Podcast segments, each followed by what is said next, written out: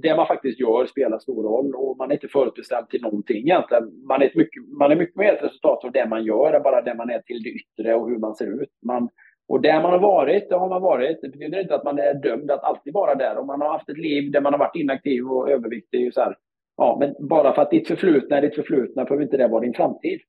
Ditt förflutna dikterar inte din framtid, utan det är dina val från och med nu och framåt som dikterar din framtid. Så det finns ju liksom mycket i det som också kanske behöver lyfta och inspirera och sådär. där. och det, om det är någonting som vi hoppas att någon får med sig från den här podcasten är det den känslan att eh, man äger en del av sin egen framtida hälsa. Jag säger inte att man kan påverka allt och man eh, sådär, va? det får man vara ödmjuk kring. Men man kan påverka mycket, i synnerhet i sånt som folk i allmänhet är sjuka i mycket nu. Psykiskt dåligt mående, livsstilssjukdomar, modern ohälsa, det kan man påverka mycket av genom att vara proaktiv. Och man kan förlänga, för, förstärka sina chanser att ha ett bättre liv längre och med mera meningsfullhet. Att ha mindre ont, mindre dysfunktion, mera starka upplevelser, mera connectad med den egna kroppen. I veckans avsnitt av podden så gästas vi av föreläsaren, författaren, triatleten och podcastern Jonas Kolting som även är hälsoinspiratör. Han driver bland annat podcasten Koltings nakna sanning och det är lite det som han jobbar med och hur han ser på hälsa är att vi behöver komma tillbaka mer till grunderna utav vart vi kommer ifrån. Att vi tar bort det, allt det skräp och allt det brus som vi har lagt till när det kommer till hälsa i våra liv. Och vi pratar om detta just i detta avsnittet, hur vi kan må bättre, hur vi kan ta mer ansvar över vår egen hälsa och att vi inte är predisponerade för sjukdom och att vi faktiskt kan ta vår hälsa i våra egna händer. Detta var ett otroligt intressant avsnitt att spela in och lyssna på hans sätt att se på hälsa. Och jag ser varmt fram emot att dela detta med dig som lyssnar. Innan vi drar igång med avsnittet vill jag bara påminna om att detta och alla andra avsnitt är sponsrat av pureness.se. Använd koden PLC-podden med 2D för att få 20% rabatt på hela ditt köp när du checkar ut i onlinebutiken där på pureness.se. Så PLC-podden med 2D för 20% på hela Pureness sortiment. Nu kör vi igång med avsnittet. Hej och välkommen till PLC-podden, podden som förändrar Sveriges syn på hälsa med mig Robin Hallsten. Idag har jag med mig Jonas Kolting, föreläsare, författare, tidigare triatlet men håller fortfarande på mycket med, med de bitarna såklart. Han driver också podcasten Koltings nakna sanning han är hälsoinspiratör och hälsokonnässör men även också hälsoprovokatör skulle jag också vilja säga i mångt och mycket och det kommer vi komma in på lite här idag och varför jag tycker det är så intressant att ha han här. Och jag tänker innan eh, vi startar samtidigt tänker jag bara rama in det lite kring, jag läser på Jonas hemsida. Vi vet inte längre vad vi ska äta. Vi vet inte längre hur vi ska röra på oss. Vi vet inte längre hur vi ska vila. Vi vet inte längre vad som är viktigt eller inte. Vi vet inte längre vad som är bra och hälsosamt och vad som är farligt och dåligt. Vi tycks ha förlorat vår viktiga, livsviktiga självbevarelsedrift. Vår bekvämlighet har blivit ohälsosamt obekväm. Allt vi tror att vi lärt oss under de senaste 50 åren verkar samtidigt ha inneburit att vi glömt de senaste 500 000 årens självklarhet från att vara det mänskliga djuret. Och med det Jonas tänker jag att vi startar det här samtalet. Välkommen till PLC-podden. Ja, tack så jättemycket Robin. För, för det är det här jag tycker är intressant, det som du jobbar med. Och du har ju själv varit en elitatlet. Och det, och det är ja, det. det. intressant att kolla på dig och lyssna på dig, vad du snackar om också. För att jag är också ute efter folk som walk their talk. Alltså, vad, hur funkar de här principerna som vi snackar om? Eller som, som någon eh, propagerar?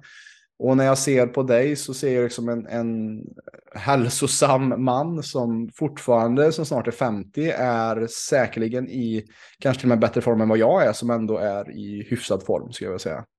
Mm, just det. Um, och hur, hur tänker du på det här introt som jag beskrev och hur ser du dig själv som i det du jobbar med?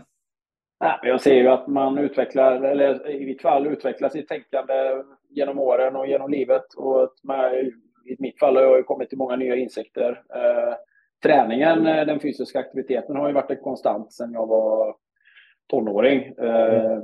När jag började simträna dagligdags. Och sen, men sen så ändras ju målsättningen väldigt mycket och insikterna blir ju starkare och större ju äldre man blir. Och, det är väl någonting som jag har tagit med mig, att jag har förändrat mina målsättningar och mina drivkrafter. Men det är ju som du säger, det är väldigt viktigt för mig att leva det budskapet som jag propagerar för eh, i väldigt hög utsträckning. Det är ju en del av min identitet och det är ju en stor del av min trovärdighet. Och, eh, det, det därför blir ju det också en stor del av mitt eh, jobb på, på många sätt. Eh, träning och hålla mig i bra form därför att eh, det, det liksom ligger ju i hela min yrkesverksamhet, men det ligger också i min identitet väldigt mycket. Så eh, det finns ju många alla delar där interagerar tycker jag. Och, men sen så är jag ju, gör jag ju, är jag, försöker jag vara väldigt transparent eh, med min felbarhet också eh, och att eh, inte försöka påvisa någon sån här övermänsklighet. Nu är jag ju i bra form och gör många bra saker för mig själv och håller en bra linje. Det beror ju på vad man har för referenspunkt i hur man betraktar någon sån som mig. Men jag försöker inte göra sken av att jag klarar någonting till 100 procent eller att jag försöker efterleva någonting till 100 procent eller att jag försöker sälja in en religion eller någonting som är en dogm. Det gör jag inte, utan eh, jag försöker bara eh, inspirera människor att tänka efter och att vara proaktiva i sina liv och att sätta våran moderna värld i, i en kontext och ett sammanhang, vilket innebär att människor kan kanske eh, förstå mer vart problemen kommer ifrån och hur man kan göra på egen hand för att åtgärda det till viss del. Då. Mm. Mm. Ja, men jag tror det är så viktigt och det är någonting som vi använder i PLC också, 80-20-regeln, att man kanske har sin, sin linje, sin filosofi, men också att det finns avvikande mönster i det, att man inte är, är man är mänsklig bara. Och att annars, annars kan det bli en lätt eh, eh att man blir eh, helt upptagen av att vara 100% felfri och det här perfektionistiska. Och jag tycker, jag tycker ja, det... men det blir ju, det blir ju religiöst, alltså då blir ju det en annan, då, då, då försöker man efterleva någonting mer för själva efterlevandet. Alltså det blir religion i det hela. Det blir någon sån här eh, självpåtagen sharia-lag, att man ska straffa sig själv jättemycket då, att man, man gör mm. minsta lilla avsteg. Och det är viktigt att tänka på när det gäller hälsa, att allting handlar ju om dosering. Det är ju med träning och med, eller med sånt som är positivt så är det också dosering. Eh, Eh, lite träning är bättre än ingen träning. Eh, regelbunden träning är jättebra. Mycket träning kan vara extremt positivt, men, men för mycket träning vid fel tidpunkt kan ju vara jättedåligt. Eh, mm. sådär. Eh, lite alkohol går absolut jättebra för de flesta. Eh, det är skillnad på ett glas vin i veckan och 21 glas vin i veckan. Eh, mm. sådär, vem är jag? Nej, men jag kan dricka alkohol, det är inga problem. Nej, gör det om du vill. Då. eller är man alkoholist? Nej, då får man inte dricka någonting, för då är man ju känslig. Så det gäller ju att man känner sig själv sådär att jag kan ju säga att men jag kan ju slarva lite grann här och där för att jag tycker väldigt mycket om eh, jag är okänslig också. Det, det, är inte, det kommer mig inte så mycket. Eh, jag vet att det finns triggers, men jag har liksom inget ätmissbruk som jag behöver hantera. Eh, så jag, jag kan slarva lite grann ut, utifrån sociala situationer och utifrån eh, vad jag tycker om.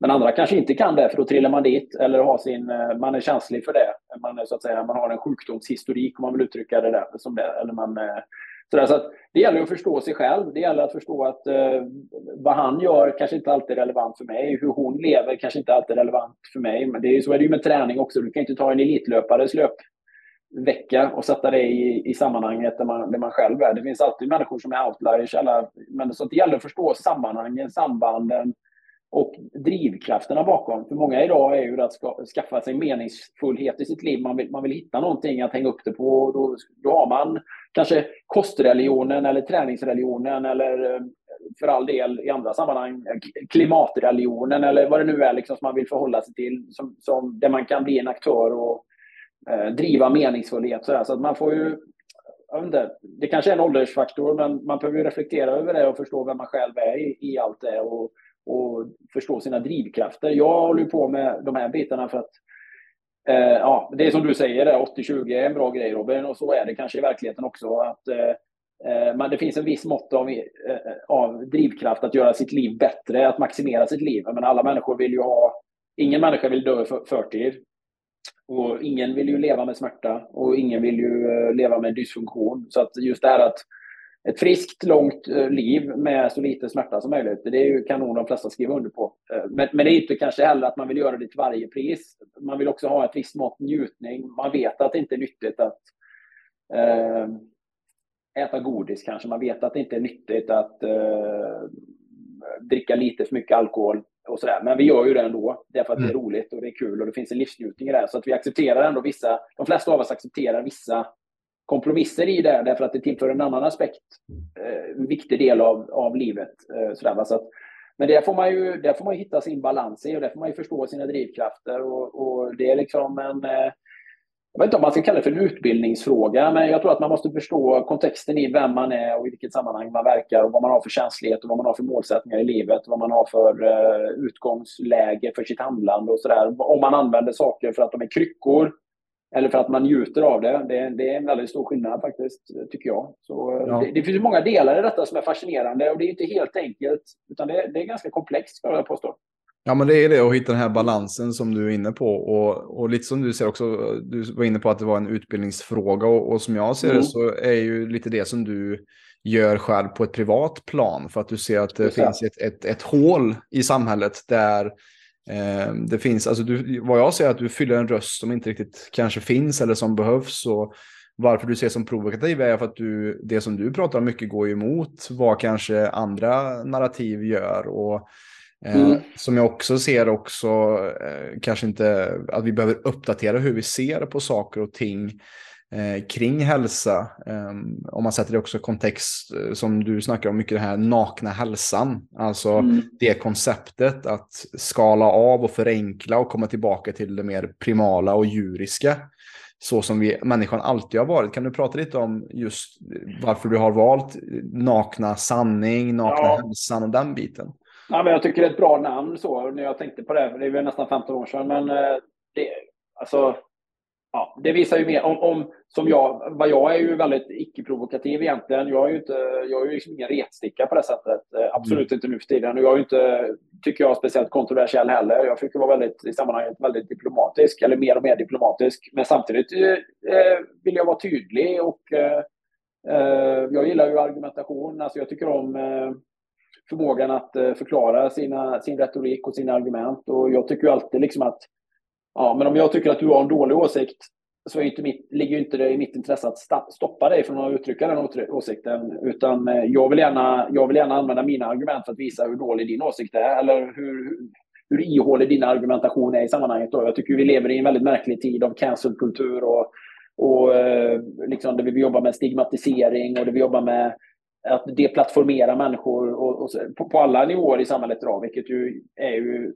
intellektuellt ohederligt och eh, visar ju mer att många människor saknar verbal förmåga att argumentera eller saknar den bildningen för att kunna liksom, man driver politik men man har liksom inte, man har väldigt tungt på fötterna i att kunna tala för sin sak och det är en mm. jättebrist. Jag vill ju vara den personen som kan tala för sin sak och argumentera och jag välkomnar alla, alla åsikter för jag då kan jag klä av de åsikterna om det är så att jag tycker någonting annat och jag förväntar mig att alla andra behandlar mig på samma sätt.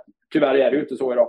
Men vad jag menar är att om jag uttrycker, om, jag kan ju anses vara kontroversiell, det vet jag, men det, det säger ju mer om våran tid än om mig. Jag menar, jag pratar om att man ska äta kött och fett och att vi ska röra oss ut och att solen är nyttig och att vi ska utsätta oss för belastningar och att bekvämlighet för mycket, i för mycket form, i för stor omfattning blir obekvämt. Eh, och att mycket av den moderna maten är skit eh, och att eh, det, är, det finns andra incitament som ligger bakom masshysteri kring covid-vaccin och annan skit liksom som vi utsätts för och så här. Och att mm. allt det här grundar sig i politik och ekonomi i grund och botten. Och det är klart att det säger mer om tiden än om mig. Jag tycker jag uttrycker absoluta självklarheter om man tittar på det utifrån. och, en absolut logik som är svår att ifrågasätta. Exempelvis att kött är nyttigt för oss, för det är någonting människan har ätit i extremt hög utsträckning under extremt lång tid och i många hundratusentals, ja, i flera hundratusentals generationer.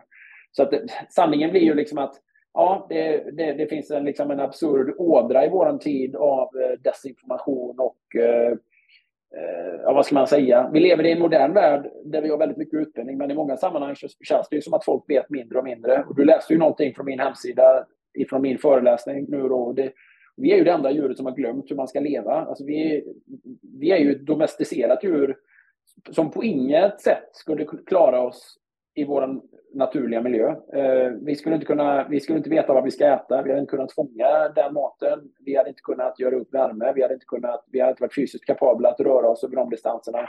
Vi, vi kan inte förhålla oss till vår miljö eh, och vi, vi, vi, är dåliga på att reglera när vi ska vila, att svara upp mot... Vi, vi är dåliga på att lyssna på vår intuition, vår inre röst.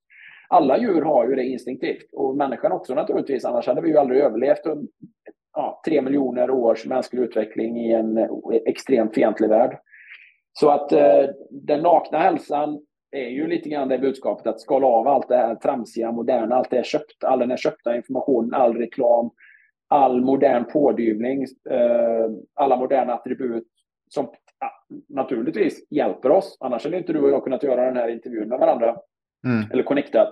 Så det är inte, det är inte en, en, fråga om teknikfientlighet.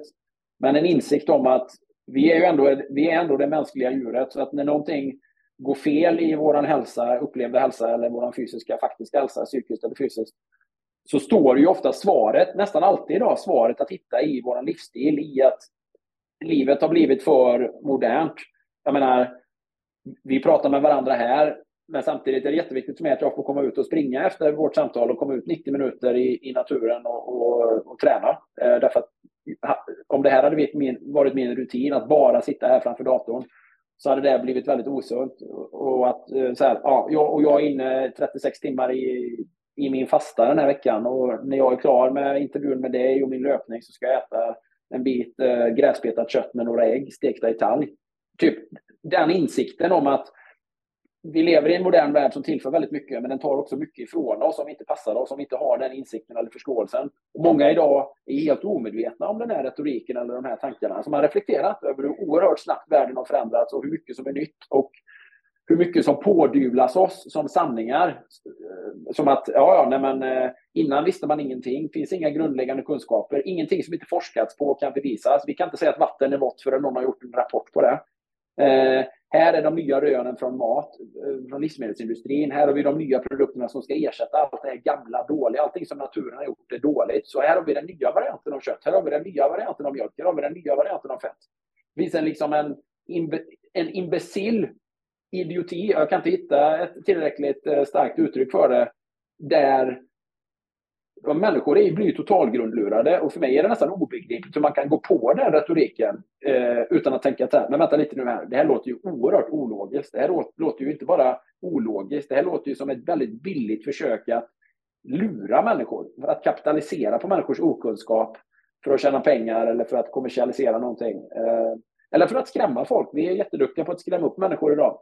Så att eh, det finns ju någonting eh, i, i, det då, i den då nakenheten. Bort med allt det. Vad är det vi är innerst inne? Av med alla kläder, all modern frisyr, alla moderna grejer. Nej, men vi är ett primalt mänskligt djur. Eh, mest av allt är vi ett djur och eh, vi är väldigt långt ifrån den Eh, den bakgrunden vi har haft. Vi har ju det, vi är födda med det, med våra insikter och kunskaper. Vi präglas från dag ett av den här moderna världen och det kan och kommer att skada oss om vi inte är proaktiva. Det ser vi omkring oss. Jag menar, vi, lever, vi lever mitt i en välfärdsepidemi av både fysisk och psykisk ohälsa. Man kan ju försöka slå knut på sig själv och säga ja, det är brist på psykofarmaka. Det är för att vi har för lite och för dålig psykofarmaka. Mm. Människor är sjuka diabetes typ 2 för att vi har för lite och för dålig diabetes typ 2-medicin.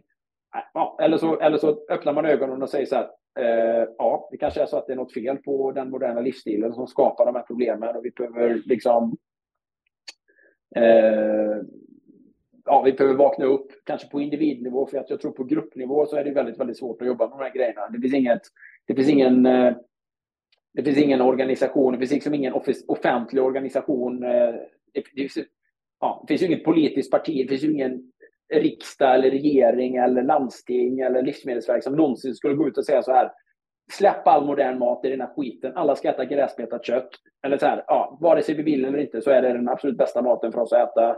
Eh, det må vara en ekonomisk fråga och det må vara en fråga om eh, selektion och rena, men det är den bästa maten. Det är ingen som någonsin skulle gå ut med den informationen, för det hade ju vänt hela världen upp och ner och skapat otroliga, otroliga svallvågor åt alla håll och kanter. Ja, men det, det var du inne på här ser jag ju också som är så viktigt som vi belyser gång efter annan på PLC. Att ta tillbaka din inre personliga auktoritet. Att börja mm. lyssna på det här intuitiva. Börja lyssna på vad faktiskt du mår bra av. Och Just det. Vi, vi lever i en värld som du också snackar om. Vi lever i ett sånt informationssamhälle. Och där vi drunknar i informationen, där vi svälter efter visdom. Alltså det, det. det finns hur många rån och röd hur många rån och röd och hur många vetenskapliga artiklar som säger det här är bra, veganism är bäst. Eller så finns det nu andra som carnivore eller äta bara kött är bäst. Och där gäller det för var och, och varenda individ att vakna upp till.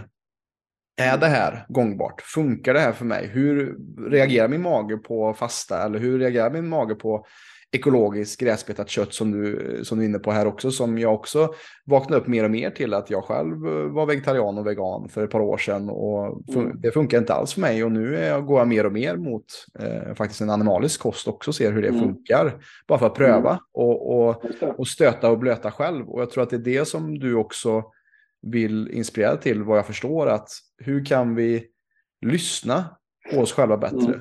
Och så det är min nästa fråga. Hur, hur, hur, kan vi bli bättre på det Jonas? Att lyssna på vad det inre djuret behöver? Alltså, ja, vi behöver sluta distrahera oss kanske, men vi behöver framförallt intressera oss. Jag tror att eh, jag menar, alla har, om man får en ställd fråga så vill ju alla vara friska och fungerande och alla vill ju kunna, alla hade ju önskat att vara vältränade och så här. Ingen önskar sig att vara sjuk. Så det finns ju liksom en inneboende önskan, men Sen är vi ju så duktiga på att distrahera oss idag, så hela vår värld är fylld av bekvämlighet och lättja. Alltså, människor tittar ju hellre på Masked eh, Singer och annan skit, eh, 90 Days to Web. Alltså tv svämmar över av den typen av imbecill underhållning som bara gör oss dummare. När det finns mängder med intressant information att hämta där ute. Det finns mängder med intressanta dokumentärer eller intervjuer eller, eller till och med serier och liksom dokumentära sammanhang där man faktiskt kan lära sig någonting runt det här, eller åtminstone få en åsikt som får en att tänka efter. Så att jag tror bara att vi, det, vi, är ju, vi har ju fastnat, jag menar alltså vi är ju som ett, som kollektiv är ju vi som, som en grupp alkoholister som har blivit instängda i ett, på ett systembolag. Alltså, det finns så mycket frestelser och lockelser överallt att, att det är svårt att, så att säga, behålla sin mentala nykterhet i sammanhanget. Vi är som ett gäng sockermissbrukare som har blivit inlåsta i en godisbutik. Mm. Det finns hur mycket som helst att bara döva och liksom sysselsatta som är som bara gör oss så att säga mindre informerade. Jag vet inte om det var någon bra liknelse, men jag tror man förstår vad jag menar. Så att vi har ju så mycket information. Vi har ju våra telefoner, vi har sociala medier, vi har mängder med liksom lättsmält information. Ja, det är dopaminkasino varje dag. Ja, men gränsen mellan underhållning och information är, väldigt, är ju hårfin idag. Och det gör mm. ju att eh, man behöver ju antingen få ett riktigt wake-up call i sitt liv i något sammanhang antingen med sig själv eller att det kanske drabbar någon annan. Eller att man bara är inneboende, att man kommer någonstans ifrån. Jag menar, jag, har ju, jag kommer ju någonstans ifrån där jag har fått vissa grundläggande intressen och vissa grundläggande, en viss grundläggande intuitiv förståelse för saker. Och också att jag är född i den brytpunkten, jag menar, jag är född 73, så att jag har ju, min bakgrund är ju i den analoga världen. Vilket gör att jag kan reflektera över hur bisarr den här världen är nu eh, på ett annat sätt. Jag menar, och det är ju generations, det är över generationer. Jag, menar, jag pratar med min son Rufus, han är fyra år, och så pratar om det med iPad. Och att, eh, när, när jag och pappa var liten hade vi liksom ingen iPad. Och, så här, och, han, och, och han fattade liksom inte han tyckte det var skitmärkligt. Jag bara, vi, vi kunde inte titta på någonting av det som ni tittar på Rufus. Alltså, allt det du tittar på nu på iPad, vi kunde inte titta på. Vi hade ingen iPad. Och så tänkte han ett stund och så sa han så här. Tittade ni på mobilen då pappa? sa han istället då. Man kan kolla på YouTube på mobilen. Jag bara, nej, jag har inte mobil heller. Så för honom är det så här, han kunde inte greppa detta liksom. Inga, hur, alltså, hur, vad gjorde ni liksom? Och ja, så fort går ju den här tillvänjningen med saker. Så, jag vet inte vad man ska säga. Det, man, man, får ju liksom bara landa i en insikt att mycket av det här moderna är ju övermått eh, på ett sätt skadar oss eller trubbar avtrubbar oss. Jag jobbar hela tiden med att försöka hitta ett sätt att distansera mig, men det är skitsvårt. Jag är väldigt medveten om det här, men jag fastnar ändå på Netflix och kollar på skit som jag inte vill. Eller, eh, jag ska inte säga att det bara är dåligt heller, för ibland hittar man ju någonting som man faktiskt lär sig något av, som man bara liksom fick av en slump. Men mycket mm. är ju, precis som, precis som man kan tycka så att, ja, ja, men så här, någon gång när man surfar på Instagram och Facebook, så här, timmatals, så hittar man ett guldkorn. Ja, såklart man gör. Man hittar någonting som faktiskt bidrar till någonting. Man hittar ett citat eller en, en människa som inspirerar eller en, eh, någonting som är informativt som faktiskt är en pusselbit. Men de har ju ägnat timmar och timmar och timmar av bara slösurfande Man hade ju hittat de här guldkornen om man aktivt hade letat efter just det.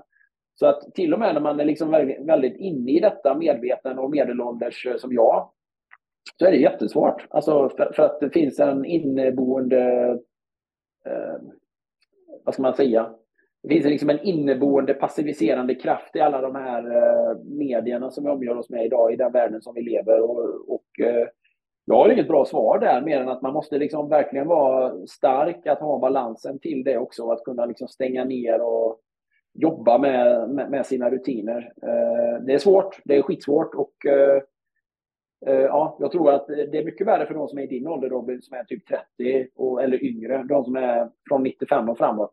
Där är det, där är det svårt. Det ser, det så jag tror människors attention span är kort och man, man har problem med långsiktiga saker. Och mycket ska vara underhållning i livet. Och man har liksom, ja, jag tror att det är många som aldrig har läst en hel sammansatt lång bok exempelvis. Vilket ju finns en absolut poäng att träna på att läsa därför att det, det är en speciell inlärning som sker vid läsande. Mm. Eh, ja, det finns många delar i det där, men jag har faktiskt inga riktigt, jag har inga bra svar och jag tror att det måste komma ifrån ett inre intresse. Den inre rösten måste bli så stark att jag behöver förändra någonting för att jag ska må bättre. Eller att jag behöver förändra någonting för att jag ska kunna hjälpa mina barn att göra saker och ting bättre. Eller för att förstå sammanhang eller för att, eh, eh, säg så här, för att skaffa mera meningsfullhet i mitt liv. Eh, för att skaffa mera eh, kontext i mitt liv. Det finns många olika delar. Man kan kalla det att medelålderskris som människor går igenom där man liksom behöver ifrågasätta sig själv. Men eh, ja, jag är rätt så säker på att vi, vi kollektivt ändå är någonstans den, den eh, mest eh, olyckliga generationen av människor genom alla tider. För att våra liv är väldigt mycket konsumtion, snabba kickar, nästa snabba kick. Livet har blivit för många människor nästa roliga epic fail-video på Facebook som hela tiden måste liksom till. Mm. Och det är ett problem, för att eh, vi är inte skapta på det sättet. Vi är inte gjorda för det här eh, snabba kickarna hela tiden. Vi ska ha lite karg, stoisk eh, uthållighet. Vi ska möta utmaningar, väder och vind och vi ska uthärda lite grann. Och så ska vi njuta av de självklara aspekterna av vila. Få sitta ner i värme och ta det lugnt eller få äta någonting eh, närande och så vidare. Där har vi liksom den mänskliga njutningen. Få sova gott på natten, trötta och utmattade och sådär. Det finns någonting där som vi har hamnat långt ifrån tyvärr. Ja, men det, det, är otroligt viktigt att inse det som du är inne på här, att eh, det stoiska eller att, att också deprivation eller att till exempel som du också eh, håller på mycket med fasta och jag gör också mm. det, mer korttidsfasta gör jag. Men, mm, mm. men det här att, att leka med polariteter, för har vi ständigt stimuli, har vi ständigt saker ja. som, eh, som poppar upp och som håller oss passiva, det gör ju också att vi vi konsumerar ständigt och skapar inte någonting i våra liv. Och det jag tror är det som är viktigt som du är inne på är också att, att syftet och vårt varför är så otroligt viktigt att ha. Varför gör jag detta och varför vill jag inte fastna framför skärmen här nu? Vad är det jag vill skapa som är större än mig själv och som kan bidra till en positiv förändring i kanske mitt liv och andras liv också? Mm. Och hur, hur, kan vi navigera det på bästa sätt? Det är det som jag tycker är intressant. För att precis som du beskriver, jag tror att alla känner igen sig att man fastnar någonstans varje dag mm, mm. i våra mobiler för att det är gjort för det. Men att det finns också en, jag tror att de flesta kan känna igen sig att man suktar efter någonting meningsfullare, någonting djupare som verkligen får en att känna den här djupa tillhörigheten till någonting större. Mm. Eh, och att skärmarna, jag brukar säga också det, som att det är blinded by the light. Alltså att istället för att vi har solen som vår, vårt ljus så följer vi nu skärmar och eh, influencers med, som kanske har för många följare än vad de faktiskt ger i värde och så vidare. Att vi, vi är förblindade av ljuset av den moderniserade världen. Och som vi ser också de här senaste bara 10-20 åren som du, som är lite äldre än mig också, växte mm. upp utan och kan verkligen se det. Och att när vi är mitt inne i det, så är det, det är som att vi är blinda för att se vart vi kommer ifrån, vart är vårt ursprung och bara se på all ultraprocessad mat och sånt som inte fanns ens för hundra år sedan som nu paketeras i det finaste och sätts på hyllorna med lång hållbarhet för att det är bra för just de som skapar det. Um, och, och, så glömmer vi bort att det fanns en tid innan det när vi faktiskt levde mer enligt jordens resurser och enligt Absolut. de grundläggande principerna. Vad tänker ja, du? Nu lever vi i den moderna världen och det är klart att det kan man ju fortfarande bejaka. Det gör jag i alla fall, för jag vill ta del av det. Jag försöker inte vara världsfrånvänd på det sättet, men man måste ju ändå se att vi behöver, en motvikt, vi behöver en tydlig motvikt till det för att vi ska behålla någon form av fysisk och mental känslomässig balans. Vi måste se farorna med, med det här moderna. Och precis som att ja, men det är som alla specifika grejer. Man måste se faran med att alkohol är gott. Eh, och man, man kan vara mer eller mindre känslig för det. Man måste se faran med att godis är gott. Man måste se faran med att få bekräftelse. I lagom mängd så är det positivt för självkänslan och självbilden. I för överdriven mängd så blir det väldigt skadligt och man blir beroende av det och det blir ständiga kickar och man är beredd att kompromissa med, vem man är och vad man gör för att liksom få den här bekräftelsen. Alltså, det, det återkommer i allting. Man måste se sammanhanget man verkar i och miljön, miljö man verkar i och hur, hur ja, man måste förstå vem man är. Man måste förstå vem man själv är och vad man har för liksom, drivkrafter och vad man mår bra av och sådär. Och vad man tror är lycka och glädje men som kan visa sig vara något helt annat egentligen. Så det är ganska, ja vad ska man säga, det finns en komplexitet i det som inte är självklar. Och det, det är ju verkligen upp till, till var och en. Men jag är ganska säker på att nästan alla människor skulle må bra av mycket mer motion, mycket mer utomhusvistelse, mycket mer soltid, mycket mer eh, mycket mindre digital närvaro, eh, en timme sömn per natt, mycket mindre socker, mycket mera kött. Jag tror att det är generella regler som hade varit sanningar för 99 procent av alla människor faktiskt. Mm. Ja, för, för eh, jag har lyssnat på ett par avsnitt nu för i min research. Här, jag tycker det är intressant ja. att höra på hur du och Niklas ja. fram och tillbaka kring ämnen kring hälsa och kan rekommendera att lyssna på den verkligen. Eh, för jag tycker det är så kul, eh, ni har lite olika så här, pastakonstellationer och müsli-maffian och hur, eh, hur ni mm. snackar mycket om ja, men låg kolhydratkost och mer högfett och mer, mer kött som enligt många idag tror ju att till exempel att kött är farligt och det, det är väl mm. det som jag tycker också är intressant, någonting som vi har ätit och konsumerat som är bestående i alla urinvånare är att alla har ätit kött. Sen så har det varit olika beroende på tillgängligheten. Du har inuiterna som bara ätit liksom säl, sälspäck och, och, ja. och så har vi eh, men att det, det blivit en stor... Men det är ändå från det, animal, från det animalier hur man än ser på det. Om det kommer ja, från havet precis. eller från... Men det är liksom... Det är inte en, det är inte en sojaburgare. Det, mm. Vilket ju är den absoluta motsatsen. Då. Så att det, där är ju liksom poängen att förstå att... Eh, ja, precis som du säger, själva råvaran kan skilja sig åt, men i väldigt hög utsträckning har det liksom kommit ifrån djurriket. Mm. Om det sen är hav, luft eller vind eller, eller liksom himmel eller land. Det, det må ju skilja sig lite grann beroende på vad man är. Men, eh, ja, nej, men vi, är omge, vi är omgärdade av desinformation, så är det. Och de flesta är inte så pass eh, utbildade, eller bildade kanske man kan säga, eh, och eh, blir tyvärr ett lätt offer för skrämselpropaganda och eller reklam. Vi, vi är grupptillhörighetsvarelser, vi tycker om att göra det som gruppen gör faktiskt. Det ligger liksom nog i våra DNA att eh, just att, att tillhöra gruppen är också ett skydd ifrån yttre påverkan och våld. Så att vi, det är svårt att kliva ur och kliva av och göra motsatt det som väldigt många i, den, så att säga, i en grupp gör om man tänker i ett samhälle. Och, ja, det, det, det, är till våra nackdel idag kanske. Jag vet inte. Mm. Men varför tror du att det är så kontroversiellt till exempel som du snackar om rött kött och för, för, som, jag, som jag ser det så är det ju mycket har ju att göra med att kanske de studierna som finns eh, är mycket fokuserar på just processat kött eller mm. till exempel SAD, eh, Standard American Diet, att det kanske är det man, man gjort forskning på folk som äter McDonalds eh, mm. och inte äter bara rent ekologiskt kött från gräsbetande kor. Vad, vad, tänker du kring kött? Varför tror du att det är så kontroversiellt?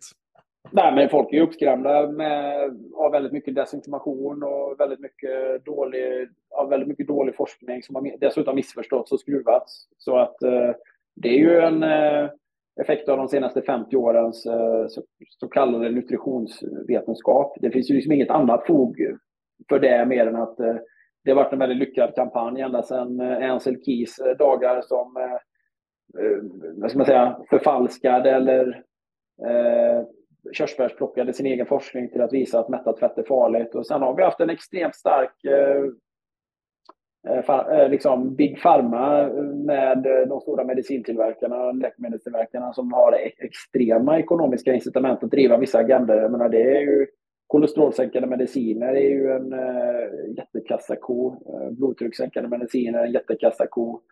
Eh, alla de här medicinerna, eh, metmorfin, jättekassako. Så det finns jättemycket incitament, stora incitament att driva vissa teser. Det finns stora incitament att pro propagera för billig raffinerad mat, exempelvis margariner gjorda på ultraprocessade vegetabiliska fetter. Det finns mycket pengar för många led att tjäna på eh, i det och eh, det är väldigt prisokänsligt eh, också, vilket gör att man kan eh, använda maten eller livsmedel som ett ekonomiskt styrverktyg. Så det finns väldigt mycket andra incitament där omsorgen om individens hälsa är det absolut minst intressanta och den absolut minsta regleringsmekanismen i det här.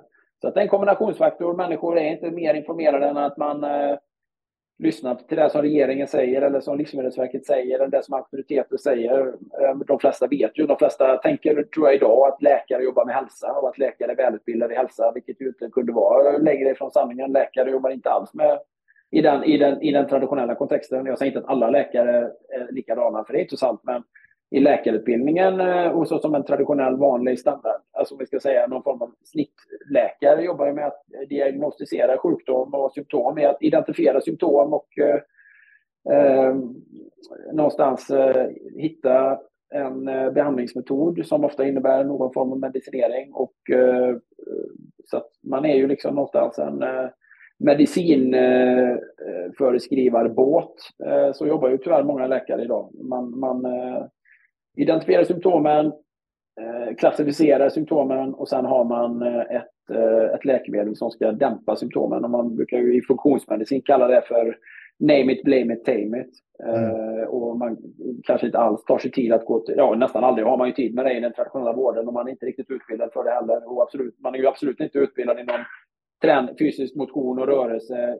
Eh, man, man, är ju inte det genom läkarutbildningen, man kan ju vara det för att man är privat intresserad. Du får ju, man får ju väldigt lite utbildning om eh, hur fysisk motion och hälsa påverkar kroppen och eh, eh man får också väldigt lite utbildning i näringslära, eh, vilket ju är ett extremt stort eh, ämne naturligtvis i sig. I sig. Så att, jag menar, många människor lever ju i... Många människor har falska profeter som Eh, Eh, som eh, eh, auktoriteter i ett område som de inte alls behärskar. Och eh, många är också tacksamma. Vill, många vill inte tänka efter. Man vill ha en auktoritet som dikterar villkoren och säger så här är det och om du inte är frisk så har du den här medicinen och det här. Inte hjälp till självhjälp. Typ. De flesta hade ju blivit förbannade. Hade man gått till läkaren och sagt och så hade läkaren sagt så här. Ja, eh, vi har ett problem här, men det beror bara på din livsstil. Eftersom jag har intervjuat dig nu, jag har tagit eh, tid på mig, så har jag intervjuat dig och så har jag kommit till insikten att dina problem är ju inte medicinska egentligen, utan de beror ju på en dålig livsstil. Eh, så att mitt, min, mitt recept till dig, man har ju fysisk aktivitet på recept. Jag vet inte i vilken utsträckning det skrivs ut. Ganska lite tror jag. Men om läkaren säger så här, du, eh, nu ska du göra det här i två månader varje dag. Du ska gå ut i skogen, du ska ta en promenad, du ska sluta äta socker, du ska sova åtta timmar på natten, du ska äta mindre margarin, mindre socker, mera kött, mera ägg. Eh, en timme skogspromenad varje dag, eh, sluta sitta uppe på nätterna och röka och dricka Red Bull. Eh, eller typ, alltså beroende på lite grann vad individen svarar. Och så ska du leva bättre. Så mm. de, flesta hade ju blivit, de här flesta hade blivit förbannade. Jag tror många hade anmält läkaren för eh, bristande vård och omsorg. Så här, människor vill ha ett recept i handen. Bra, jag går till apoteket, får det här, fortsätter med det jag har gjort. Eh, det är inte mig det är fel på. Det är, eh, jag har drabbats av någonting eh, som är... Jag har åkt på någonting och det har ingenting med mig att göra om jag har fått en medicin. Så att, alltså det finns många delar i det här tror jag. Eh, och, eh, Ja, men det, det, jag vet inte hur man gör. Jag vet inte hur man, jag vet hur, hur man gör i sammanhanget här, men, men äh, människor är nog ganska lättlurade och litar blint på auktoriteter. Äh, är lite mindre intresserade av det här. Äh, vänjer sig vid den kognitiva dissonansen. Menar, de flesta förstår ju ändå argumentationen när man säger med kött. Ska, och förstår ju också nyansskillnaderna, men det är ju inte samma sak. Vad pratar vi om? Kött. Är, är man köttätare om man, äter, om man äter två Big Mac och Company i veckan? Eller är köttet det minsta i de måltiderna och det är en, en, ett fullständigt överdåd av eh, vegetabiliska ultraprocessade fetter och socker, kolhydrater. Ja, rena skiten. Kött, det lilla köttet i den måltiden kanske ändå är det enda hyfsat eh, bra, men ändå relativt dåligt såklart, för det är kastkött kanske. Men Alltså det är allting så här, jag, jag, tror inte de flesta reflekterar tillräckligt mycket över det här, utan man tar de här eh, Aftonbladet-rubrikerna som sanningar och så tar man den här extremt kondenserade, ofta väldigt vinklade, ibland rent felaktiga eh, löpsedeln som en, som en sanning, som, ett, som en, någon form av eh, insikt, eller jag vet inte, man, man tar det som ett eh, ja, man tar det som, man lägger det i sin kunskapsbank och väldigt mycket är så i vår värld. Och det, ja, det förstör ju jättemycket. Liksom. Jag, jag, så att, eh, jag vet inte vad man ska säga om det mer än att folk har dålig koll på läget. Då. Hej allihopa! Jonas här. Då jag vet att många i samhället upplever utmaningar kring sin hälsa men inte riktigt fått hjälpen de behöver så har jag lagt upp ett kostnadsfritt webbinar för dig som inte är medlem. I detta webbinar kommer jag prata om vanliga grundorsaker bakom konstant trötthet, låg energi, sömnsvårigheter, magbesvär och värk. Och du kommer även få mer info om hur vi på PLC jobbar för att åtgärda detta. Du hittar mer info om webbinariet i beskrivningen till detta avsnittet. Men med det sagt så tackar jag för mig. Tillbaka till dig Robin.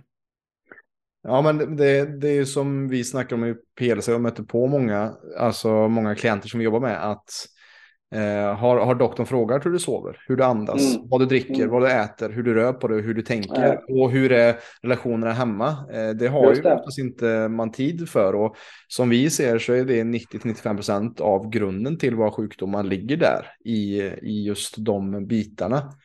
Eh, mm. och det är ju där det som du är inne på, just att det här personliga ansvaret, att vi lägger gärna det på andra människor, att du ska fixa mig, du ska läka mig, medan läkningen finns ju inom oss om vi, om vi ser till att uh, ge oss de sakerna som vi behöver i form av rätt sömn, rätt hur vi andas uh, i, och skippa de här dåliga dryckerna mm. som energidryck och, och minska ner på kaffe kanske och, och, alkohol och den biten.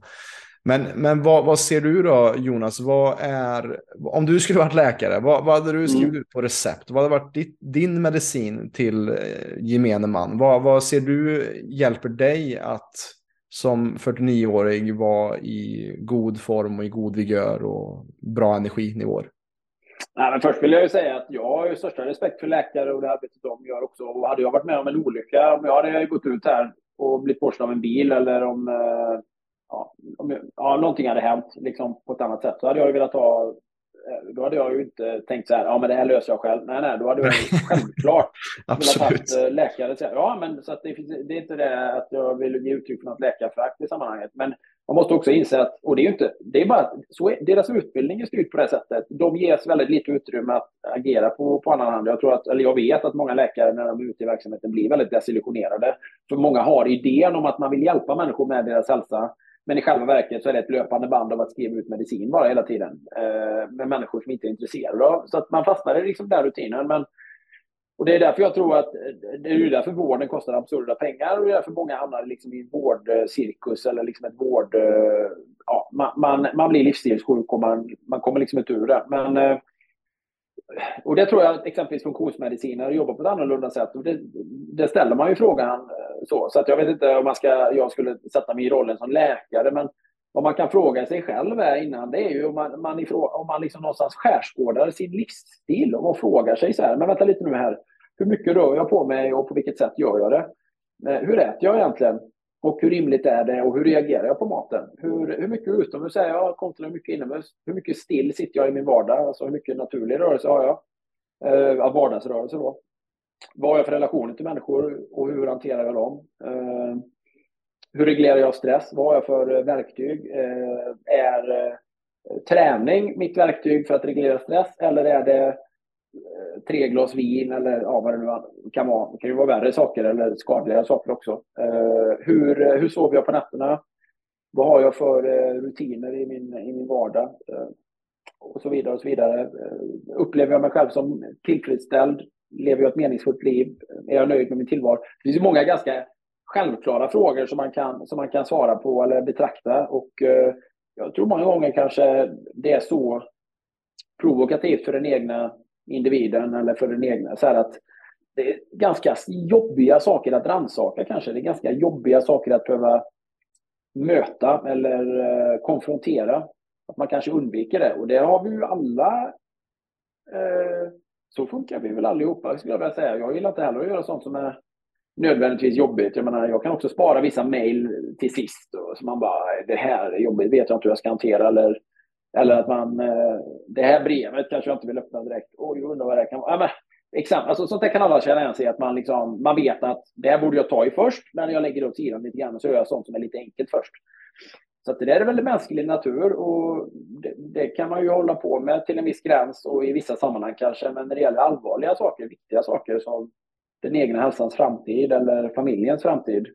Eller, eh, ja, jag vet inte. Det är ett mänskligt drag tycks det vara, mer och mer i våran tid. Det kanske är så att vi är lite skyddets, att vi är lite skydd, vi är lite så här skyddsskadade, vi är lite trygghetsskadade. Om man tittar på Lyxfällan och så här, vad människor verkligen lyckas, så här, hur, hur mycket man kan bedra sig själv eller leva i mm. självförnekelse över sånt som är alldeles uppenbart, alldeles uppenbara liksom, ekonomiska principer. Hur, liksom, hur, hur länge man kan liksom leva i sån total förnekelse. Men det kan ju ha att göra med att man någonstans i bakhuvudet vet att ah, det fixar sig ändå alltid. Det finns alltid någon som hjälper. Det finns alltid någon som kommer hjälpa mig med det här. Jag behöver inte så här, ja, det är inte på liv och död därför att samhället kommer träda in och hjälpa till. Och det kanske vilket det kanske är bra, men också kanske dåligt på ett annat sätt, för att man har för låga självbevarelsedrifter i slutändan. Så att, jag tror det är en kombination av allt det här. Men summa summarum, när man pratar om allt detta, så är det uppenbart att den, den här moderna världen, våran samtid med allt vad det innebär, är ett problem för väldigt många människor. Och eh, eh det är väldigt svårt att se utifrån och in. Och jag tycker den här långa tidskontexten, aspekten av att vara människa är också jätteintressant. Så här, vi, det räcker att vi tänker tillbaka hundra år så tycker vi det är superlänge sedan. Men hundra år sedan, det är ju bara tre generationer, tre, fyra generationer, det är hundra år sedan. Och världen såg ju helt annorlunda ut för hundra år sedan. Men hundra år sedan nu, då var mitt i första världskriget. Alltså det är en sån annorlunda värld så att det går knappt att sätta sig in i. Går man, ytterligare, går man ytterligare hundra år tillbaka i tiden så är man också liksom innan, nästan före industriell tid. Alltså man måste förstå vad som har hänt med oss de senaste sex generationerna och i synnerhet de sista två generationerna och kanske till och med inom ramen för vår generation i hur vi pratar om saker och jag menar, vad vi lever i för värld. Nu har vi någon form av, jag menar, vi har all den här moderniteten och all teknologi och all kommunikation, men vi går också mot ett extremt, vi har, vi har också ett otroligt överreglerat samhälle där jag skulle säga så här, och det kan ju vara kontroversiellt, mycket mer än att säga att kött är nyttigt, men jag menar, vi har ju aldrig varit så ofria som vi är nu. Det finns ju inget sammanhang vi kan verka utan vi är ju del av systemet vare sig vi vill eller inte. Du kan ju inte vara off, du kan inte vara off-grid. För det finns inte ens pengar att köpa, det finns inga ekonomiska medel som kommer fungera längre. Du måste ha du måste vara inskriven, du måste vara registrerad, du måste ha Swish, du måste ha BankID, du måste ha, du måste, du måste liksom, du måste ha compliance med det moderna, annars det går nästan inte. Du kan liksom inte, nej men jag går ut i skogen, nej men du får inte ens bygga någonting vart du vill. Du måste ha tillstånd från Länsstyrelsen, förstår du? Alltså det är så, mm. allting är ju extremt överreglerat idag och så, så, man, det finns ju mycket man behöver vara på sin vakt mot, vad, vad som blir pådyvlat utan ens egna vilja och vad man liksom är med på. Och så här. Men sanningen är ändå att det har, det har varit en hisnande snabb utveckling. Man behöver vara lite historiskt insatt, tycker jag, eller historiskt intresserad för att förstå sammanhangen. 200 år, sex generationer, det är ingenting. Ja, men betänk då att den första mänskliga, det första mänskliga arvet är 3,5 miljoner år gammalt. Det var den där hominoiden Lucy som gick med två... Vi har första, upprätta, första exemplet av en upprätt varelse som inte var... Som är mera människa än apa det är långt ifrån en människa med dagens mått mätt, men det är ändå en, en avlägsen förfäder till oss. Vi har tre, tre och en halv miljoner år av förmänskligt mänskligt liv innan vi är här. Det, det sätter saker och ting lite grann. Tänk så här, 2000 år sedan tycker vi är super, super länge sedan. Det är liksom en helt annan värld som inte vi kan greppa. Det, är ju, det, kunde lika gärna vara, det kunde lika gärna varit en miljon år sedan när vi pratar om det. Men det är ju så här, romarriket, Kristi födelse. Det är inte superlänge. 2000 år kontra 3,5 miljoner år. Alltså, det hissnar. Så att när vi tänker så här, åh, eh, jag vet inte, alltså när vi tänker så här, ja men vi är moderna människor, nej men det är vi inte. För om vi var omoderna för hundra år sedan, vi tycker att vi var omoderna för hundra år sedan, ja men vad är då 2000 år? 20 000 år, 200 000 år, 2 miljoner år, 3,5 miljoner år. Alltså, mm. vi måste se, vi måste fatta, vi måste liksom fatta tid. Vi måste fatta tid och utveckling och mänsklig existens. Vi måste se i de långa liksom, sammanhangen, om vi ska prata om det på ett rimligt sätt och förstå vilka vi är. Vilket nästan ingen gör. Och det är väl det också det lite så här nakenheten. Jag hatar ju all den här alarmistiska populismen gällande alla möjliga grejer. Därför att det handlar bara om vår lilla hybris i hur viktiga vi tror vi är nu. Vi är inga, absolut helt oviktiga och vi, vi tror att vi spelar stor roll och att vi... Jag menar, vi pratar i så absurda ordalag om väldigt, väldigt mycket. Men vi måste fatta vilken, vilken absolut eh, parentes vi är gällande allting faktiskt. Eh, än så länge. Ja, vi, ska vi... Till, vi, ska inte, vi ska inte tillskriva oss så otroligt stor betydelse. Men vad fan, kolla. Människor i alla tider har ju haft religioner och kulter. Vi har haft liksom någonting vi har tillbett. Idag lever vi i en extremt sekulariserad värld. Vi, vi tror inte på någonting. Vi tror möjligtvis på oss själva eller vi tror på jag vet inte, vi tror på bekvämlighet, men vi har liksom inget högre syfte i många sammanhang. Och det är därför jag tror att väldigt mycket i de här rörelserna vi ser nu, det är sluta oss samman och vara rädda för saker och ting. Covid, vi ska, veganismen, vi, så här, eh, klimatrörelsen. Det finns, eh, det finns liksom starka, starka krafter som blir religion i det hela, där man skaffar en tillhörighet och en meningsfullhet. Och där det har exakt samma attribut och samma företräden som traditionella religioner har. Det är också ett väldigt så här, modernt påfund. Men ja, alltså det finns många, många intressanta ingångar i detta, men vi måste, så här, jag tror att det är värdefullt att tänka ibland runt Okej, okay, vad är det som är speciellt med våran tid? Precis allt. Precis allt är speciellt med våran tid. Precis absolut ingenting har funnits tidigare av det som vi omger oss med. Mm. Det gäller information, kommunikation, underhållning, yrken som vi har. Så här, ja, men vad är ditt jobb? Ja, men jag jobbar framför datorn, typ med Excel. Ja, fatta vad konstigt det är i sammanhanget. Så otroligt märkligt eh, sysselsättning för, för, det, för det mänskliga djuret. Typ här, jag är, influ jag är influencer, jag jobbar med det här. Okej, okay. ja, hur, hur kan man relatera till det? Nej, inte alls faktiskt. Det går inte relatera till. Nej. Nej, men det, det, är det som är, mm, om man kollar som du säger här, tidsperspektivet, bara gå tillbaka. Alltså, som till exempel du berättade med din son här Rufus, bara ja. livet utan iPad eller smartphone, vad det ja. finns det ens? Och, och på samma sätt det här som eh, att vi egentligen är bara en fis i rymden när det kommer till evolutionen och vilka vi är, att, att vi, vi tar oss själva på väldigt stort allvar kanske och också inte ser hur de sista två generationerna exempel, eh, som jag vet också du har nämnt någon podcast, alltså om man kollar på till exempel en, en strandbild från 50-60-talet och så kollar du ja. på i USA, eller i Sverige också för den delen, som har nu över 50 procent överviktiga. Så vad, vad, vad, vad, vad som gick fel? Vad var det som skedde den här för Nej. två, tre generationer sedan? Vad är det som gjort att vi har gått åt, eh, åt det här hållet där vi, många hävdar att vi lever i den bästa av tider, men på något sätt så är det en liten paradox. Vi lever på ett sätt i den bästa världen för att vi har mycket tillgängligt, men vi också lever i en av de mm. sämsta världar. Folk är mer sjuka, mer trötta, mer deprimerade och mer disconnectade, även fast vi kan, ja. jag kan ringa dig som sitter i Borås och jag sitter här uppe mm. i, i Dalsland. Liksom. Nej, men vi lever absolut inte i de bästa världarna på det sättet. Vi, vi, det är väl att, inte om vi tittar, ja, jag tror att vi är den olyckligaste generationen någonsin. Och det är precis som du säger, jag menar, det, är, det är ju i vår livstid. Ja, men förr i tiden var, det, var den absoluta majoriteten av alla människor eh, smala och eh, normalviktiga. Eh, ja, sådär. Man såg på en strand, de här exakt bilderna, precis som du pratade om. Och idag är, åker man till vissa ställen i världen så är de flesta människor, ja, man, det är verkligen människor som är normalviktiga. De är absolut minoritet. Och det, så, så att, ja, men det, det säger någonting om att eh, vi har Alltså vi har ett överflöd av saker. Det är, det är frosseri, bekvämlighet, ledighet, konsumtion som är nyckeln till lycka, tror vi. Och sanningen är att eh, vi når mättnadsgraden väldigt, väldigt snabbt när det gäller de grejerna. Vi behöver ha andra saker som gör oss eh, tillfredsställda och där livet är meningsfullt. För det livet kan vara jäkligt rikt med ganska måttligt med pengar, men ändå där man har ett stort mått av eh, fysisk aktivitet i naturen. Ja, men så här, ja, när är man rik egentligen? Ja, men jag kan tycka att jag är sjukt rik när jag får åka ner och ta tid för att suppa, suppa två timmar en solig morgon på Öresjö och Borås. Det är ju verkligen rikedom för mig. Och att ha hälsan, tiden och, hälsan, tiden och möjligheten och logistiken att göra en sån sak. Liksom. Det kan inga pengar i världen ersätta egentligen i sammanhanget i, över långt, i det långa loppet. Så, ja, det finns så många sätt att betrakta de här delarna. Jag såg en bild på Instagram häromdagen om eh, typ så här för, om det var för 200 år sedan, typ så här den fetaste människan i världen som var på utställning nästan, liksom reste runt och visade upp sig. Där folk tog så här, fick posera, eller på något sätt, han var som en cirkusattraktion.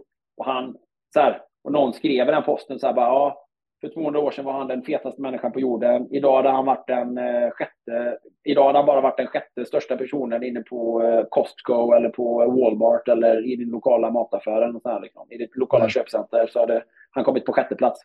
Bara. Så att, ja, men så, det är ju någonting som har hänt, helt klart. Det är någonting som är på väg åt fel håll. Det är någonting som i synen på vad ett bra liv är, så är det någonting som har gått väldigt, väldigt snett eh, idag. Eh, det är ju inte en agenda någon har, utan det är så har det bara blivit. Bra. Och det är mm. många samverkande faktorer. Och tyvärr är det ju många aktörer på marknaden som gör sitt bästa för att motverka det, som vill kapitalisera på vår ohälsa.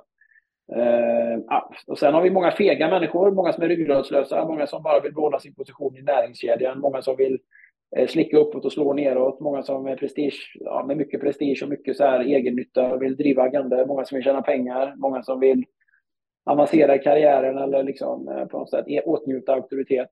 Eh, så att, det saknas också mycket, vad kallas det? Ja, men integritet och ryggrad när det gäller sakfrågor. Det är väldigt få auktoriteter, akademiker som kan erkänna att de hade fel. Och så här, bara, men jag kan mer idag så jag måste säga att jag hade helt fel om, om det som jag tidigare hävdade var helt fel.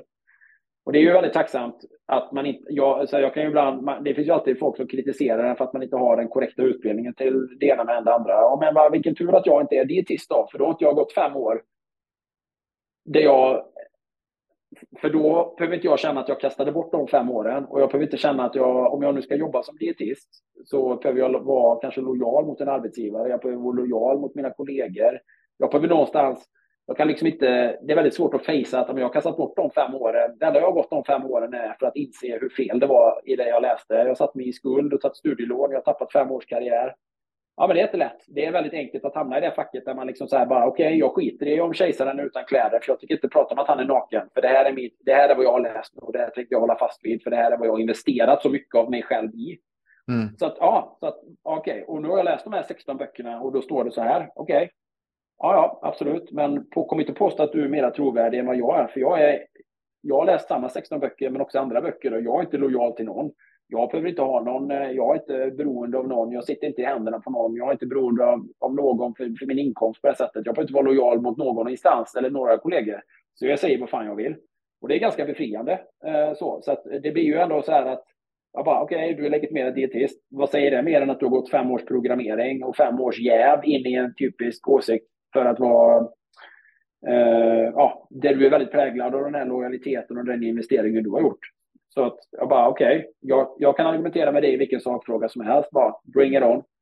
Eh, mm. Men det är ju väldigt många som liksom inte ser det eller inte förstår det, utan som, som gärna vill liksom så här von oben-attityden då, och liksom, ja men jag är auktoritet, bara därför att jag är auktoritet så ska du vara tyst. Och typ, jag har rätt bara för att jag har den här titeln. Och så så att, eh, det finns ju mycket man kan driva agenda i det om man bara har på fötterna och kan argumentera. Men eh, sanningen är ju att många av de här yrkena gör ju mer skada än nytta idag.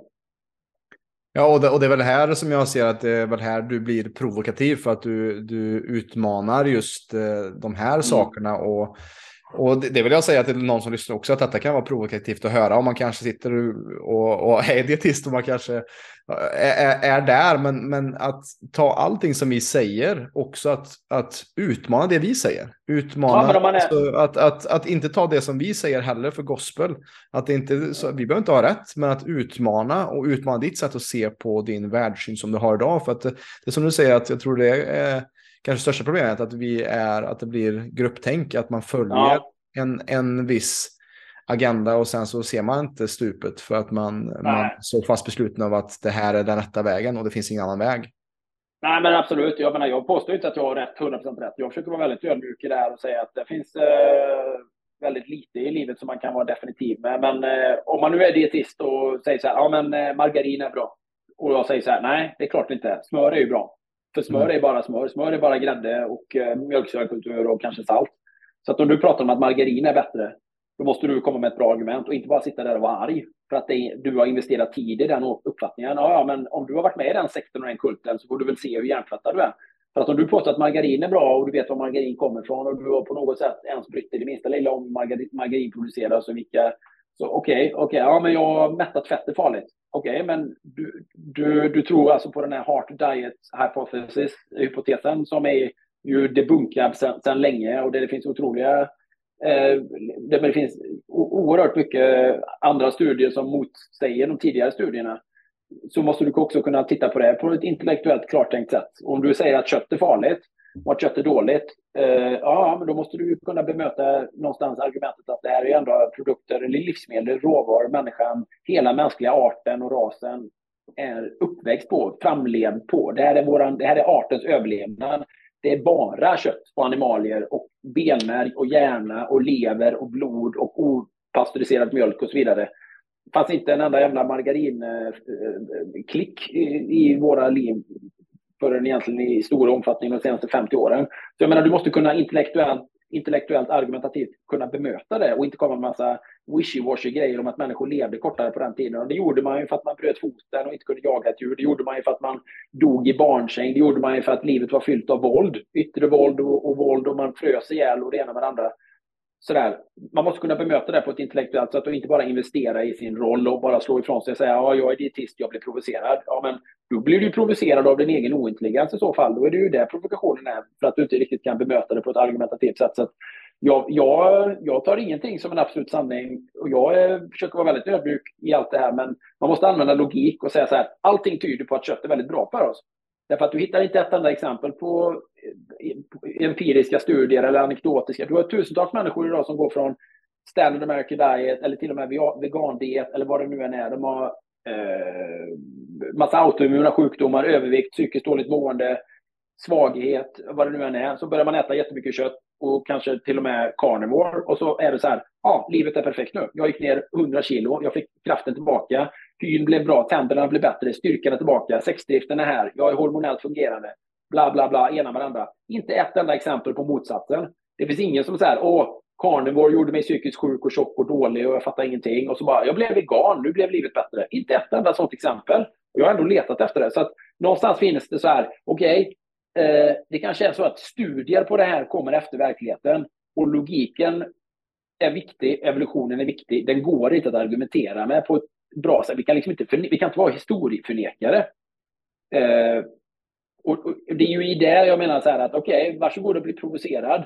Men provokationen bör ju leda till eftertanke och ifrågasättande också kring det ena paradigmen som man, som man driver. Liksom. Eh, och att man måste någonstans förstå. Så här, men ofta är det ju det, det är prestige och så är det rädsla och så är det så här, bara så här, fan jag har investerat fem år i det här, jag är lojal med detta, jag har min lön ifrån det här jag har liksom inte utrymme för att börja ifrågasätta detta. Eller som att vara en katolsk präst som har gått i, gått i prästskola och, gått i liksom, och så, sen bara börja ifrågasätta om Guds existens. Det är en omöjlig tanke. Liksom. Det är, det är, hela, hela, hela, hela världen skulle ju ställas och ändra för den egna personen om man börjar ifrågasätta de här givna sanningarna. Så det är, det är det jag menar. Mycket av detta blir religiöst och det har ingenting med insikt, kunskaper eller en vilja till att hjälpa människor. Det har bara med andra drivkrafter försörjning, jag måste kunna försörja mig, jag tillhör den här gruppen, det är vad jag har lärt mig, rädsla att ifrågasätta och så vidare. Så att man måste fatta vart det här kommer ifrån. Och då, är det lätt att skjuta, då är det lätt att skjuta ner mig eller skjuta ner dig och ja. säga desinformatör eller säga så här, typ om jag kritiserar dietister, hot kan man ju kasta ur sig då, eller eh, eh, hat till och med. Men så, så ser ju vår värld ut idag. Du kan inte lyfta kritik mot någon utan att det är hot eller hat. Eh, det går ju alltid att skruva till det så att, så att eh, människor blir oantastliga. För att minsta lilla grej så är det hot, hat eh, och du är konspirationsteoretiker. Och du har kränkt mig. ja, du har kränkt mig såklart. Vad har jag, hur jag har kränkt mig? Jag, typ så här, min intelligens har kränkt dig för att nu tvingades du försöka argumentera i en fråga som du inte på något sätt kan argumentera kring därför att det kräver logiska kullerbyttor. Ja, men då har jag, ja, jag har kränkt dig. Ungefär som ett, eh, ja, jag vet inte hur man ska dra för paralleller, men det blir ju en absurd verklighet i sammanhanget. Då. Så, ja, men provokation, men provokation ja, kan, ju, kan ju leda till en diskussion. Alltså, ja. alltså att, att, att, hur, kan vi, hur kan vi brygga det här? Uh, vi verkar som vi har ett missförstånd här. Istället för att ja. man ska stänga av och, och, och säga att det är hat och hot och, och att jag är kränkt. Hur kan vi hitta eh, vad är det som får dig att tänka så här? Och, och hur, hur, kan vi, hur kan vi mötas i detta? Och, och, och bli nyfiken på de som kanske säger tvärt vad vi säger? Ja, men sanningen är att de flesta vill inte det. De flesta har inte utrymme för det. De flesta har inte intresse av det. De flesta vill eh, sitta i sitt, eh, i sitt lilla elfenbenstorn och i sitt lilla, ha sin, ska man säga, jag tror inte de flesta är inte intresserade. Och många är också övertygade om att de har rätt, därför att de tillåter sig inte själva att reflektera och tänka efter. Och de umger sig med sannings... De omger sig med ja-sägare och bunkermentalitet. Jag menar, du har hundra dietister i ett rum som allihopa är lojala med Livsmedelsverket. Det är klart att du kan hitta mycket argumentation. Precis som du kan vara del i en sekt eller kult och bara så här, ja, det är ju resten av världen som är konstig. Vi är ju helt normala här. Nu ska vi allihopa dricka Kool-Aid här. Så att eh, det är ju inte eh, det, jag tror jag så, så fungerar världen. Så att man får ju vara en stark, och så är det ju, vi pratar om paradigm som förändras. Och då är det ju så att man får ju fortfarande vara den här starka rösten så länge man får vara, så länge det tillåts att vara den starka rösten eller den mot att vara konträr i sammanhanget och kunna driva en annan agenda. Och än så länge får man ju det till viss del, även om du kan ju bli blockad på Instagram för att du driver en för aggressiv köttpropaganda. Hur, hur, hur, hur det någonsin nu skulle kunna vara ja, jag vet inte vad, vad, vad brottet begår i där, men visst, det kan ju vara toxisk maskulinitet. Du kan ju hitta vilka sjuka moderna anklagelser som helst som bygger på identitetspolitik och annat som kan liksom mm. deplattformera en människa. Så att, eh, ja, men det har blivit, en, eh, det har blivit på många sätt en absurd värld i, eh, i, den, i den kontexten. Så att, jag vet inte vad man kan göra, om man, men framförallt att man ser om sitt eget hus, tycker jag. Jag menar, jag, jag, pratar, jag pratar gärna om det här och jag driver gärna den plattformen och jag delar gärna med mig av min kunskap. Men ytterst så gör jag ju det för att jag själv vill leva så och gör det. Och jag försöker leva mm. så så mycket jag kan. Det är ju den absoluta, det är ju den absoluta drivkraften för mig. Då. Ja, men det är det som är det viktiga, alltså att, att, att man börjar med sig själv. Att det är så mm. lätt att man ska missionera ut någonting, att man inte ens mår bra i sig själv och så ska man ja, ja. missionera ut hur andra ska leva. Eh, så att det måste ju starta hos sig själv. Och, och vet det, det är lite det jag tänker att vi börjar sakta runda av här, men någonting som jag vill mm. fråga innan vi gör det är Alltså som du är inne på också i dina samtal som du har med Niklas i din podd också, just det här mm. Uh, ifrågasättandet och vara konträrer till, till dagens uh, samhälle i många aspekter och meningar. Där vi ser att många system och institutioner kanske uh, mm. uppdateras eller förlegade. Men hur, mm. hur ser du, hur kan vi förändra Sveriges syn på hälsa? Hur kan vi, vad, vad kan vi göra för att det ska bli en vändning på den ohälsan som vi har idag? Alltså det är ju små insatser både här och där och det, det är väl eh, det är väl många delar som behöver jobba, jobba med det och, och uh, ifrågasätta och sådär. Det är ju så, det är så mycket i det här. Vad är välfärdsohälsa och så, men uh, jag tror att man får driva sin lilla agenda och saker förändras över tid. Nu menar, det här fettskräcken och den biten har ju försvunnit undan för undan. Det, så saker och ting sker långsamt och steg för steg. Auktoriteter eller eh, vad kallar vi det, sådana som eh, någonstans eh, ja, äger narrativet som, som försvinner då eh, en efter en. Så kommer in någon ny och så är det, blir det lite mer öppenhet för eh, diskussion eller jag vet inte. Sverige är ett väldigt speciellt land. Alltså, det finns ju många sådana här debatter som har varit fullständigt eh, tabu. Det är människor som har drivit en tes och blivit carte blanche, alltså integration, Eh, exempelvis, eller covid-vaccinkritik. Liksom. Nu är det ju ganska öppet att kritisera vaccinet, för nu är det så uppenbart att det liksom finns otroliga brister i det. Men mm. det är så här, och med många grejer är det så här, ja, du, är, du, är, du är helt ute i kylan om du pratar där och så händer någonting och så vänder alla som över en natt. Så är det så här, ja, men nu får vi prata om detta, nu öppnades slussportarna och nu är detta legitimt att tycka eller driva. Eller så här, va? Nu är du inte en ond människa om du pratar på det sättet längre. Nej. Jag tror Sverige är ett väldigt speciellt land på det sättet. Eh, jag vet inte, man får bara man får driva sin tes. Man, får man ska inte tro att man ska kunna förändra alla, då stångar man huvudet mot väggen. Man, framförallt att man eh, tänker, jag, jag, jag vill alltid tänka i den lilla skalan. Det är jag, det är min fru, det är mina barn, det är den viktigaste enheten. Sen är det min community jag kan påverka, sen är det min, min stad, sen är det min region, sen är det min liksom, del av landet, sen är det Sverige. Alltså så här att tro att det här globala avtrycket, eller så här, det blir fullständigt också helt löjeväckande att tänka runt och prata kring. Liksom. Det finns ju liksom inte, inte ens åtta människor runt ett bord kan ju komma överens om vad man ska äta eller beställa in. eller, alltså, det blir så jävla idiotiskt att tänka så här, någon form av eh, så här, ultrakommunistisk, marxistisk idé. Så här, att, ja, men hur skulle det se ut om hela jorden? Ja, men hur skulle det se ut om alla hade en blå tröja på sig idag? Det hade ju sett skitmärkligt ut. Hur skulle du kommunicera det? Det är så fullständigt, alltså, det är så imbecilla, utopiska idéer om hur världen eventuellt skulle kunna fungera. Men jag, jag, jag tänker påverka i den lilla skalan och gör så här, va, intressera, man ska intressera sig för det, det, som finns runt omkring en, för det är så man gör avtryck. Alltså, det är ju, man kan ju inte liksom prata om att förändra världen om den egna familjen mår dåligt. Man kan inte prata om att förändra andra människors hälsa om man själv håller på att gå under. Man kan inte prata om hur de ska odla mat i Indien när man liksom inte har koll på hur de gör en mil härifrån. Det är idiotisk retorik i sammanhanget. Så att man, man, får, ju vara, man får ju vara grounded i sammanhanget och fatta Eh, att om jag ska göra skillnad i något avseende så, så, är det ju här omkring det jag är som man måste börja. Börja med mig själv och sen runt omkring och sen är det här. Det är att förstå det och påverka det. Det är så jag kan påverka. Allt annat är ju bara en allt annat är ju bara politik och trams faktiskt. Tycker jag. Ja. Mm. Nej, men jag tycker det är en bra punkt att runda av på, för det är någonting som är mm. för det vi jobbar med också. Att, att ta tillbaka din inre aktivitet. Mm. Vad, vad, kan du göra för att du ska må bättre och, och, på så sätt kunna sprida för att ohälsa i mångas liv som vi jobbar med, med främst eh, ja, med kvinnor som mm. har jobbat med för mycket att ta hand om andra och sen offrat mm. sin egen hälsa i det. Så att, där mm. tycker jag är jätteviktigt att, att vi börjar där och i vår familjeenhet, hur kan vi göra den så hel och eh, ja, smärtfri som mm. möjligt för att sen sprida det vidare. Det. Är det någonting mer som du vill tillägga till de som lyssnar innan vi, eh, vi rundar av här Jonas? Kring det vi har pratat om. Nej, men jag tycker vi täckte in rätt mycket faktiskt. Det var många bra delar och mycket relevans i det.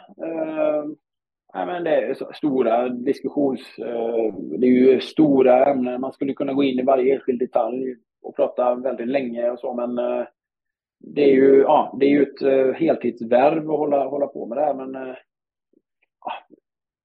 sådär, jag, idén är väl att man, människor ska bli lite mer intresserade och lite mer proaktiva. Jag tror också att det är viktigt att man förstår att man bär också det egna ansvaret ganska ordentligt. Så här, att, och att man kan påverka. Och det är ju inte tacksamt att påstå det idag att så här, ja, men det är upp till folk själva. Men det är ju faktiskt sanningen. Jag menar, om, inte du blir, om inte du vill bli hjälpt så kan ingen hjälpa dig. Och om liksom, ja, det är inte fel att be om hjälp också, men ytterst är det väldigt mycket så här att den egna viljan måste ju finnas där om det ska bli någonting. Den egna drivkraften måste liksom någon som har starkt, det egna intresset måste finnas där. Så att det är ju också, och man kan påverka mycket eh, i hur man, hur man själv fungerar och mår. Så eh, ja, men så, så det, är, det om någonting skulle man kunna avsluta med att eh, det man faktiskt gör spelar stor roll och man är inte förutbestämd till någonting egentligen. Man är, mycket, man är mycket mer ett resultat av det man gör än bara det man är till det yttre och hur man ser ut. Man, och där man har varit, det har man varit. Det betyder inte att man är dömd att alltid vara där. Om man har haft ett liv där man har varit inaktiv och överviktig, så här, ja, men bara för att ditt förflutna är ditt förflutna behöver inte det vara din framtid.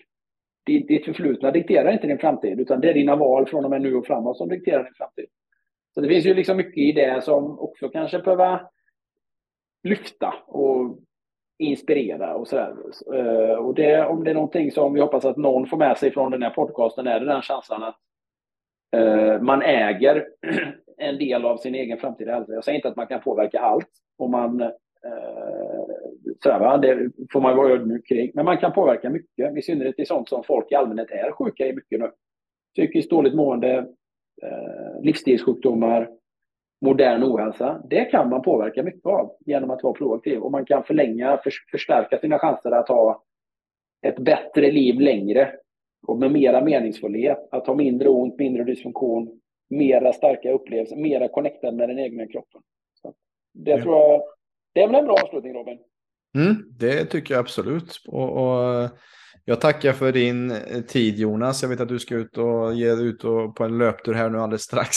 så du får ha det gött på den. Och, och, för er som har lyssnat så tackar jag också er för att ni har lånat era öron till oss. Och har det här varit intressant, har det varit provokativt, har det varit inspirerande så för all del dela med dig av det här avsnittet till när och kär så att vi med stadig, rask takt kan förändra Sveriges syn på hälsa. Tack för idag. Tack själv. Stort tack för att du har lyssnat på detta avsnittet av PLC-podden. Om du som lyssnare är intresserad av att få bättre balans på din kropp och hälsa så kan du gå in på www.plclub.se. Där kan du göra en gratis hälsoundersökning och läsa mer om hur vi hjälper människor på ett holistiskt sätt att skapa mer energi, få igång förbränningen och minska värk. Alltså www.plclub.se plclub.se. Vi finns även på Instagram, YouTube, Spotify och Facebook at Premium Lifestyle Club om du vill ta del av mer gratis material. Stort tack för din tid här med oss.